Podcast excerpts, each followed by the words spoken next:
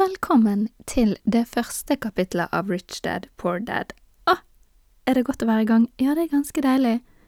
Og jeg vil advare dere litt i det første kapitlet, fordi det er det lengste kapitlet som jeg tror vi møter på, og det er òg det kapitlet med mest historiefortelling. Så hvis du har lest det nå og måtte tvinge deg litt igjennom, ja, jeg kan forstå det, jeg var òg litt der, og det er nok mest fordi jeg er så giret på å bare få vite alle triksene i boken med en gang, og så må jeg liksom dras gjennom hele denne historien med eh, barndommen, og det er jo fint, og det gir jo kontekst, og jeg liker det, så det var, det var godt å få lese det, men samtidig så handler jo det mest om å komme på rett sted mentalt. Så ja, jeg skal bare lese starten av kapittelet. Aller første bitte, bitte, bitte lille setningen er på side 19. Dad, can you tell me how to get rich? My dad put down the evening paper. Why do you want to get rich, son? Because today, Jimmy's mom drove up in their new Cadillac, and they were going to their beach house for the weekend. He took three of his friends, but Mike and I weren't invited. They told us we weren't invited because we were poor kids. Åh, og sånn starta det.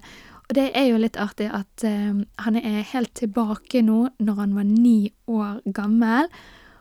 Og det som har skjedd, er jo at, hva skal jeg si, han bor på den ene siden av veien. Hadde han bodd på den andre siden av veien, så hadde han havnet på skole med de fattige, altså de ikke fattige, men de med lik økonomi som seg. Men siden han bor på andre siden av veien, og det går sikkert en eller annen form for sånn skille akkurat der, så havner han altså på skole med de ungene fra eh, det rike nabolaget. De som har fancy beach houses som de skal dra til. Så vi blir jo kjent eh, litt med Robert her, men vi blir òg kjent med Mike, som er bestevennen hans. Og det er jo disse to guttene her som bestemmer seg for å bli rike etter denne lille opplevelsen. Og som du sikkert har forstått i løpet av kapittelet, så er jo Rich Dad da Mike sin eh, far, men han er jo egentlig ennå ikke blitt rik i denne historien enda, men han holder jo på å jobbe seg oppover.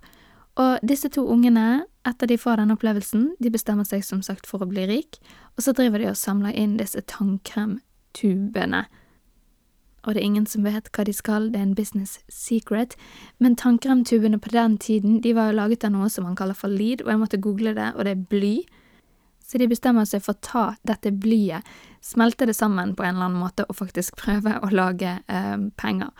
Så faren til Robert kommer hjem og eh, sier at ok, dette her er, hva heter det, counterfeeding, det er ikke lov, men så sier han, på side 24 Boys, he said, you're only poor if you give up. The most important thing is that you did something. Most people only talk and dream of getting rich. You've done something. I'm very proud of the two of you. I will say it again. Keep going, don't quit. Og dette er jo faktisk Poor Dad som snakker, ikke sant? Det er Robert eh, sin far. Så han sier tilbake til sin far How come you're not rich, Dad? I asked. Because I chose to be a school teacher. School teachers really don't think about being rich. We just like to teach. I wish I could help you, but I really don't know how to make money. Mike and I turned and continued our cleanup. I know, said my dad. If you boys want to learn how to be rich, don't ask me. Talk to your dad, Mike. Og det er det de bestemmer seg for å gjøre. Og det er nå vi nærmer oss den første, hva skal jeg si, leksen i kapittelet, for guttene går jo til faren, til Mike. De får et tilbud, men han er jo en travel mann. Han eier ni sånne her 7-Eleven-type lignende butikker på den tiden, og her kan de da få jobbe for ti cent i timen, som på den tiden òg er ganske lite penger tre timer hver lørdag. Så hver eneste lørdag skal de komme inn, jobbe tre timer og få ti cent i timen, da. Og denne avtalen, den tar de jo. Og så går de selvfølgelig dritlei, for det, som han sier, det er ganske lite penger på den tiden òg, og ti cent, det er en sånn en liten tegneseriebok koster ti cent, så han fikk kanskje kjøpt seg tre sånne små tegneserier, så det var ikke all verdens å skryte av. Jeg skal ikke gjenfortelle absolutt hele boken her, men han blir jo selvfølgelig lei, Robert, og han går til Mike og sier, vet du hva, eh, dette gidder jeg ikke mer, jeg slutter. Faren din har lovet å lære oss om økonomi og penger og bli rik, men alt vi gjør er å jobbe i denne butikken for lousy ten cents. En slikk og ingenting, dette gidder ikke meg mer. Dad said this would happen. He said to meet with him when you were ready to quit. What? I said indignantly. Hm, bra. He's been waiting for me to get fed up? Sort of, Mike said. Dad is kind of different. He doesn't teach like your dad. Your mom and dad lecture a lot. My dad is quiet and a man of few words. You just wait till this Saturday. I'll tell him you're ready. Og dette er Rich Dad sin aller første lekse til guttene og til oss. Ikke la livet dytte deg rundt. Han sier, If you learn life's lessons, you will do well. If not, life will just continue to push you around. People do two, two things. Some just let life push them around. Others get angry and push back. But they push back against their boss, or their job, or their husband or wife. They do not know it's life that's pushing. Så det å få drittbetalt, det var egentlig den første lærepengen, og man kan jo egentlig kjenne seg igjen i det, ikke det er litt sant? Altså, du føler deg urettferdig behandlet, eller du føler du får for lite betalt, eller du føler et eller annet, og så retter du kanskje sinnet mot arbeidsgiver eller mot den som urettferdig behandler deg, men så er det du som står i situasjonen. Og det er en litt sånn rar lærepenge på en måte for en niåring, men jeg, jeg syns det er fint at den er blitt tatt med, da. For hva er det som skjer når du opplever sånt? Jo, du har lyst til å slutte. Du tenker åh, jeg er urettferdig behandlet, dette gidder jeg ikke mer. Eh, dropper det. Og det er akkurat det samme Robert selvfølgelig gjør. Han sier dette gidder jeg ikke mer. If you don't pay me more or show me more respect and teach me, I'll quit. Avtalen var at du skulle lære meg om eh, penger, rich dad, og jeg skulle jobbe, men jeg har ikke fått noe av det som jeg forventet å få i retur. Ok, la oss høre hva Rich Dad sier. Well put, Rich Dad said. And that's exactly what most people do. They quit and go looking for another job, a better opportunity, and higher pay, actually thinking that this will sol- solve the problem. In most cases, it won't. So, what should I do? I asked. Just take this measly 10 cents an hour and smile? Rich Dad smiled. That's what the other people do. But that's all they do, waiting for a raise, thinking that more money will solve their problems. Most just accept it, and some take a second job working harder, but again accepting a small paycheck. Ja, fy flate, er det ikke sant? La oss si du går ut i arbeidslivet, da, så begynner du med 450 000 i startlønn, eller noe sånt. Og så tenker du oh, men et annet sted så kan jeg få 480, eller jeg kan til og med bevege meg opp mot 500 000, og så jakter du på de 500 000 et annet sted, og så jakter du på de 520 et annet sted, eller du spør, og så leter du og leter du for å på en måte prøve å klatre høyere opp, men på en og samme måte så er det same shit, different wrapping, på en måte, bare bitte, bitte litt høyere beløp. Altså, du får litt og litt mer i lønn, men du vil òg øke levestandarden din i tråd med det. Sånn, hva vil egentlig de 50 000 bety, sant, mens der og da føles det som at de 50 000 er veldig, veldig viktig, men det er jo akkurat som han sier, again, you're accepting a small paycheck, det er fremdeles lite penger, hvis vi skal drømme litt stort her, og det skal vi jo, selvfølgelig. Og løsningen selvfølgelig Rich Dad presenterer, det er å peke på hodet, det er det som du har mellom ørene som er løsningen på problemet. Det er ikke noe revolusjonerende greier her, folkens. Det handler om å bli financially smart og educated. Rich Dad explained this point of view over and over, which I call lesson number one. The poor and the middle class work for money. The rich have money work for them. Ok, så det er det vi skal gå fra til her, folkens. Vi skal begynne, nå er vi på poor middle class vi jobber for penger, jeg vet ikke hva du holder på med, men kanskje du går på jobb hver eneste dag, kanskje du jobber i butikk, kanskje du jobber i næringsliv, Kanskje du går på skole, hvem vet? Men du jobber i hvert fall for pengene. The rich have money, work for them. Det er drømmen. Ok, spennende. Og han sier noe som jeg syns er litt kult her. Han sier Passion is anger and love combined. Sant? Hvis du skal jobbe og bli rik, så må du ha passion.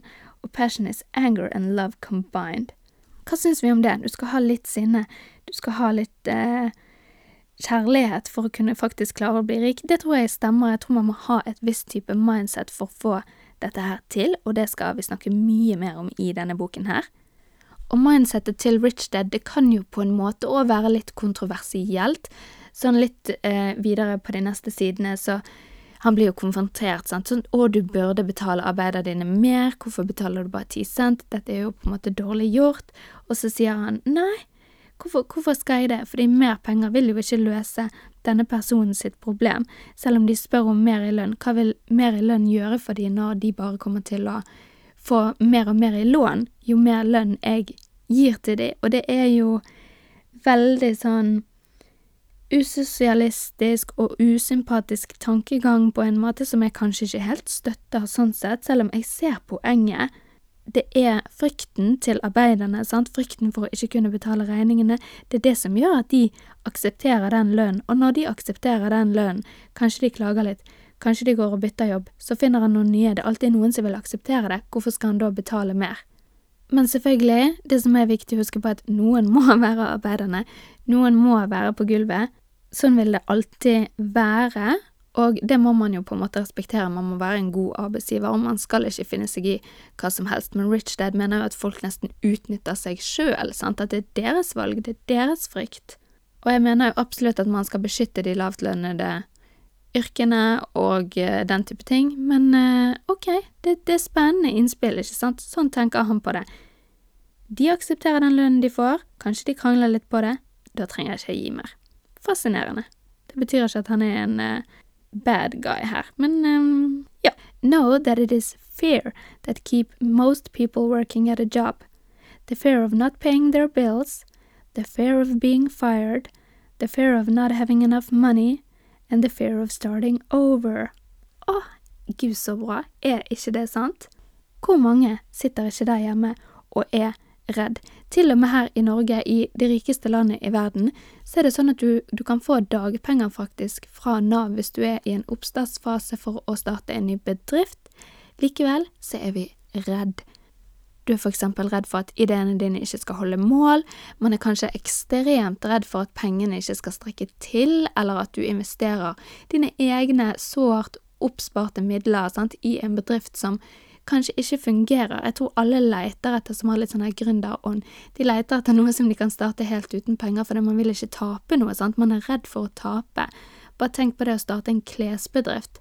Og skulle kjøpe opp for eksempel et stort varelager, og så den frykten for å ikke selge ut, sant. Vi er redd, vi er redd, vi er redd, vi er redd for at vi ikke skal betale regningen. Tenk hvis de slår av strømmen. Tenk hvis internettet går av. Samtidig så er det sånn, ja, hva er det verste som skjer da? At internetten din blir skrudd av, ok, kjipt. At du ikke har strøm, ja, ganske kjipt.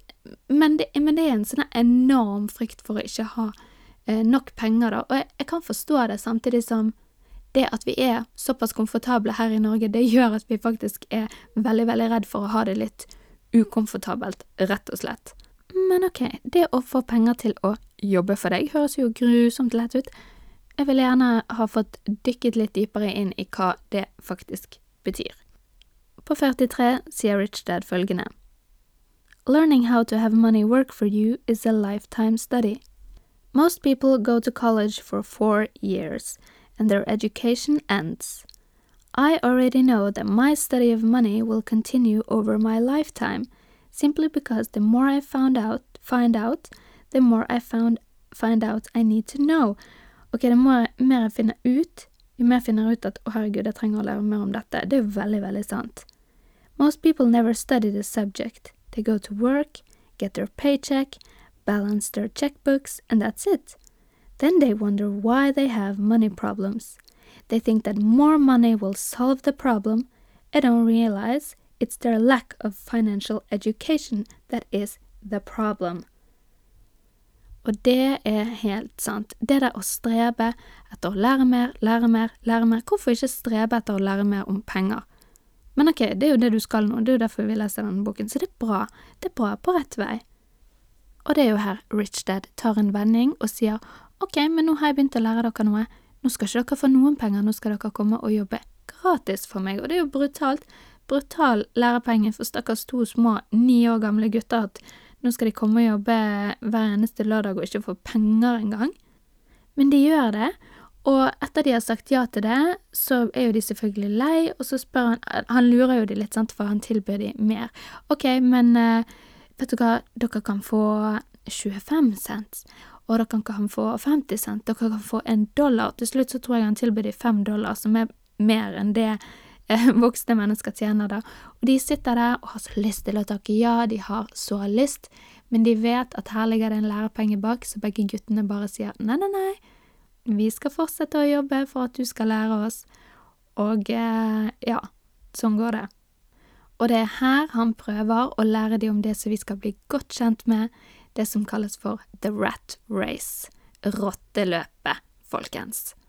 La oss se litt nærmere på det. Hva er the rat race? Det er jo denne fellen som man mener at de fleste av oss er fanget i. Og the rat race, det drives av to faktorer, som er frykt, og det har vi allerede snakket om, sant, frykten for å ikke kunne betale, frykten for å ikke ha nok, og det andre det er grådighet, eller desire, som han òg sier, han veksler litt mellom de, Grådighet, desire, altså dette ønsket om å bare få flere ting, vise fram en finere og finere livsstil.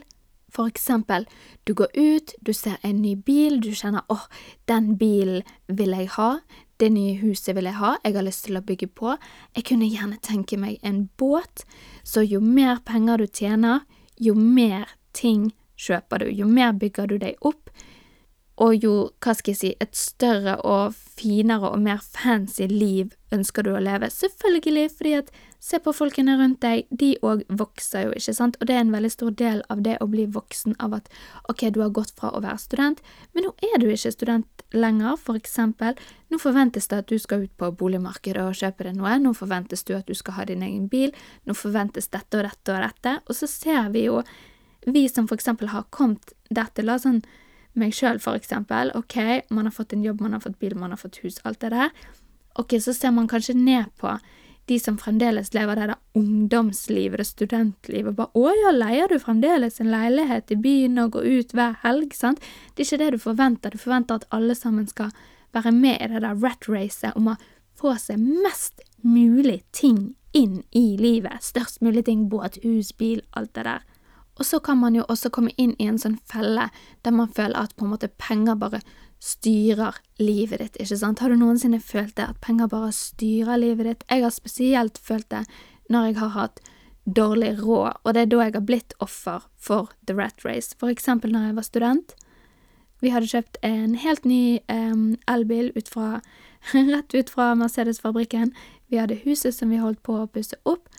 Jeg skulle ha barn. Jeg skulle egentlig ha en mastergrad, men vet du hva, jeg hadde så lite penger at jeg bare sånn, nei, jeg må begynne å jobbe. Jeg tok fremdeles mastergraden samtidig som jeg jobbet, og det var helt jævlig, vil ikke anbefale det til en sjel, men det var liksom det der med at jeg hadde satt meg inn i et hjørne der jeg hadde såpass mye ting, jeg hadde helt ny bil, jeg hadde et hus som skulle pusses opp, at jeg hadde liksom ikke noe annet valg enn å bare jobbe mer, sant, for å betale ned på de tingene. Så plutselig var jeg i the rat race, der du må levere i barnehagen, gå tilbake, altså styre fram og tilbake.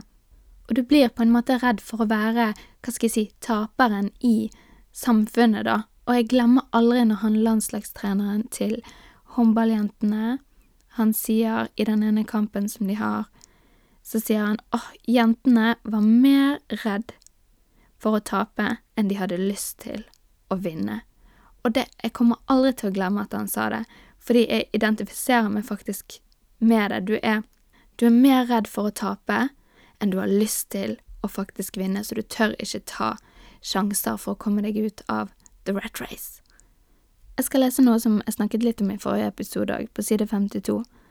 I've met so many people who say, oh, I'm not interested in money. Nå er det Rich Dad som snakker. Yet they'll work at a job for eight hours a day. That's a denial of truth. If they weren't interested in money, then why are they working? That kind of thinking is probably more psychotic than a person who hoards money. Sant? Dette handler om hvorfor går du på jobb da? Hvis du ikke bryr deg om penger? Jo, på grunn av en av de to faktorene i the rat race, nemlig frykt, ikke sant? Du er redd, du må betale for ting, du er redd for ikke, hva skal jeg si, passe inn i samfunnet. Og det er jo derfor for eksempel foreldre, foreldrene våre, så gjerne vil at vi skal få en utdannelse, fordi at de er livredd for at du på en eller annen måte skal falle utenfor. De er redd for at du ikke skal få ha nok penger, de er redd for at du skal bli en sånn slab som bare går rundt og driver dank, de er redd for at du skal bli sett ned på. Den statusen er såpass viktig, ikke sant, at det driver veldig mye av den frykten, og derfor blir vi presset på denne utdannelsen, som selvfølgelig er bra, jeg støtter utdannelse, og det gjør Rich Dad og Poor Dad også. Men det Rich Dad sier, er at en utdannelse, den lærer deg ikke å takle den frykten. Og det er det han skal lære oss i denne boken her, sier han. Han skal teach us to master the power of money instead of being afraid of it. They don't teach that in school, and if you don't learn it, you, beca you become a slave to money. Mm, it's making sense.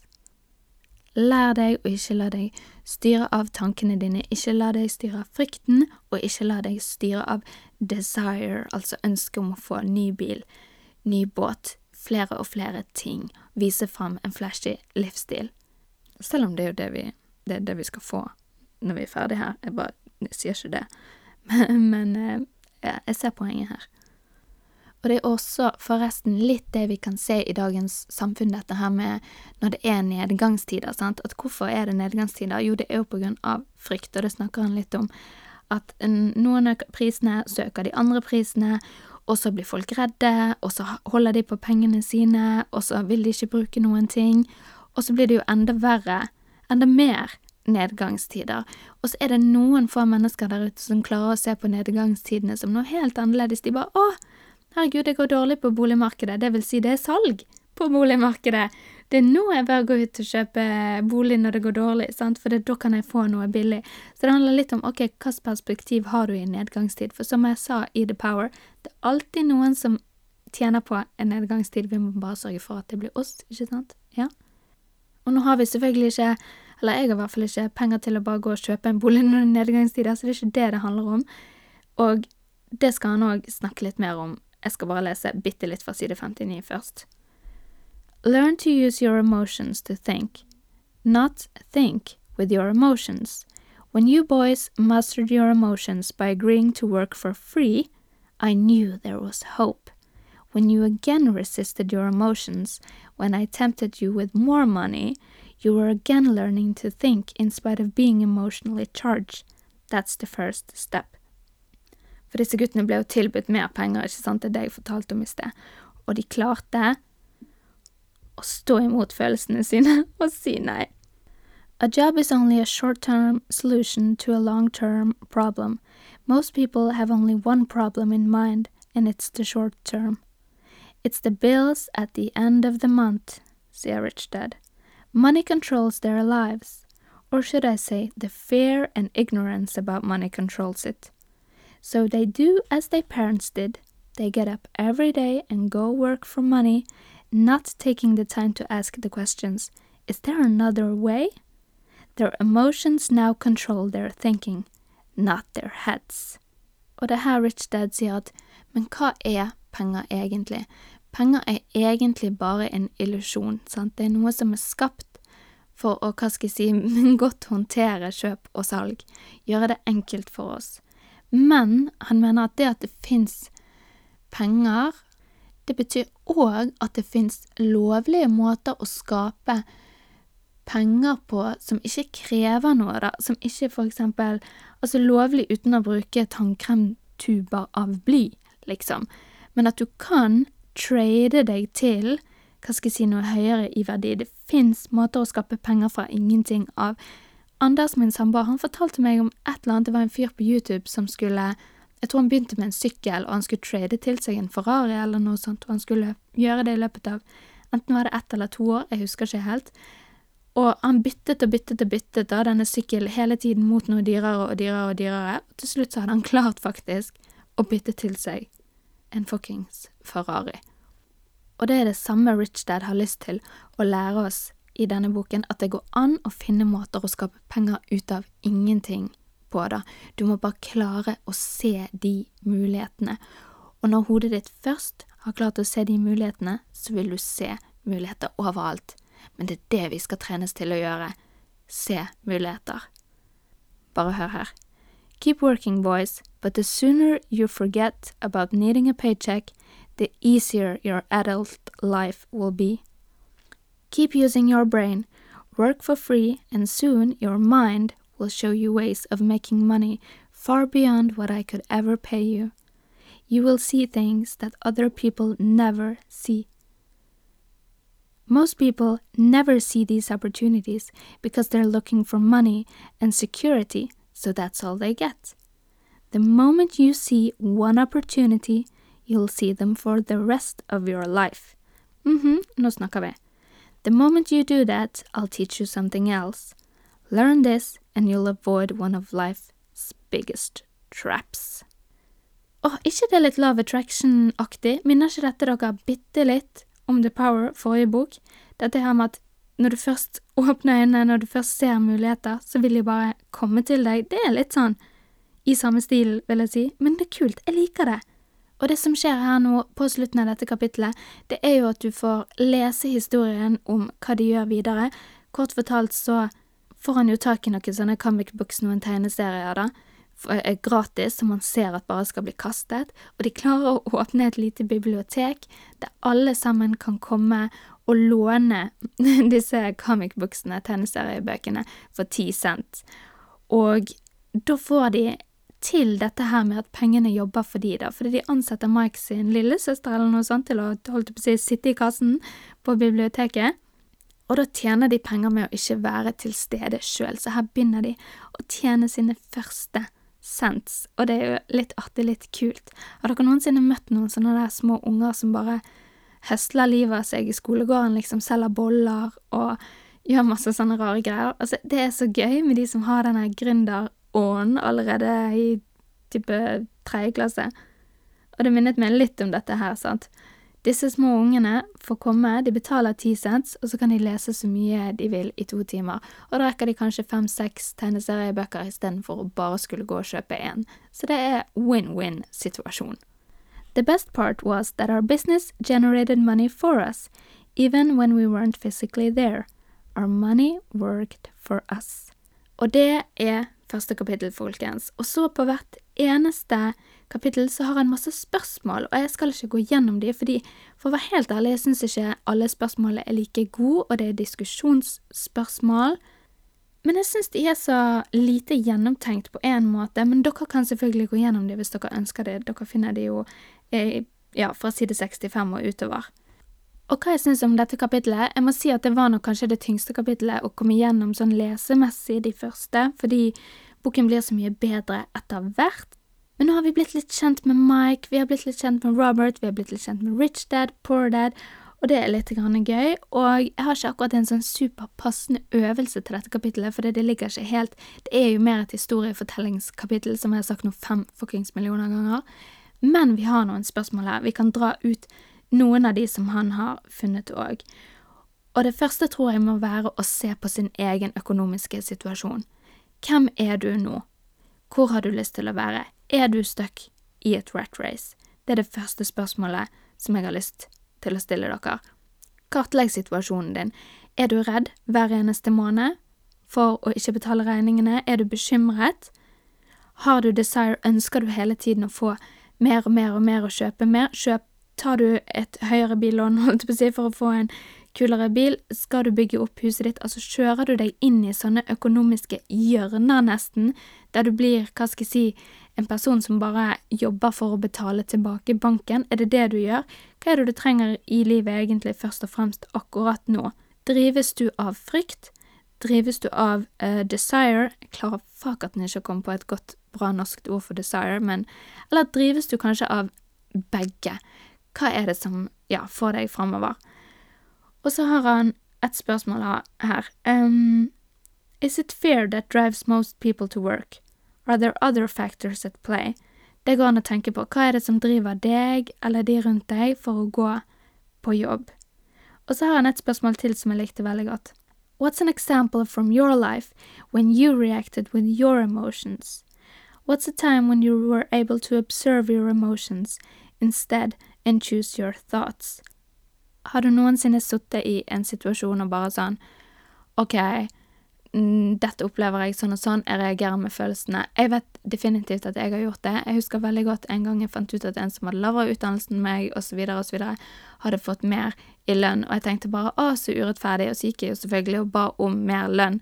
Men hvem er det på en måte som har gjort tabben fra starten av, sant? Det er jo meg som har takket ja til for lite fra starten av, for eksempel, og det er den andre personen som har vært god til å forhandle på vegne av seg og fått mer i startlønn, og så når jeg finner det ut, ok, da er det min jobb å faktisk prøve å gjøre noe med det, og, og det skal jo òg være ok på en måte, da, å, å reagere med følelsene sine, men det, er jo fort gjort det bare sånn Å nei, så urettferdig av dere, da, å gi meg mindre lønn, istedenfor å si ok, så bra av hun, så godt jobbet av hun å klare å forhandle det til seg sjøl, hva er det hun har klart å gjøre som jeg ikke har klart å gjøre, da? For hun hadde jo helt tydelig klart å forhandle seg til en høyere lønn enn det jeg hadde gjort. Og da er liksom min oppgave å se på meg sjøl og se på mine ting. Ok, hva er jeg verdt? Hvilke krav har jeg lyst til å stille? Og så videre og så videre. Neste kapittel, eller lesson two, heter Why Teach Financial Literacy. Og jeg syns det er et veldig spennende kapittel. Det handler litt om hvorfor de rike blir rikere, og hva som skiller eh, hva skal jeg si, oss fra de, og alt dette her. Og han hopper mer fram i nåtiden, da, altså denne barndomshistorien. Eh, den forsvinner litt ut, selv om den fremdeles selvfølgelig er med, men han tar mer inn sin, si, sine økonomiske tanker i nåtiden, så det er veldig spennende. Ok, da gleder jeg meg. Les kapittel to til neste gang, og så snakkes vi. Ciao.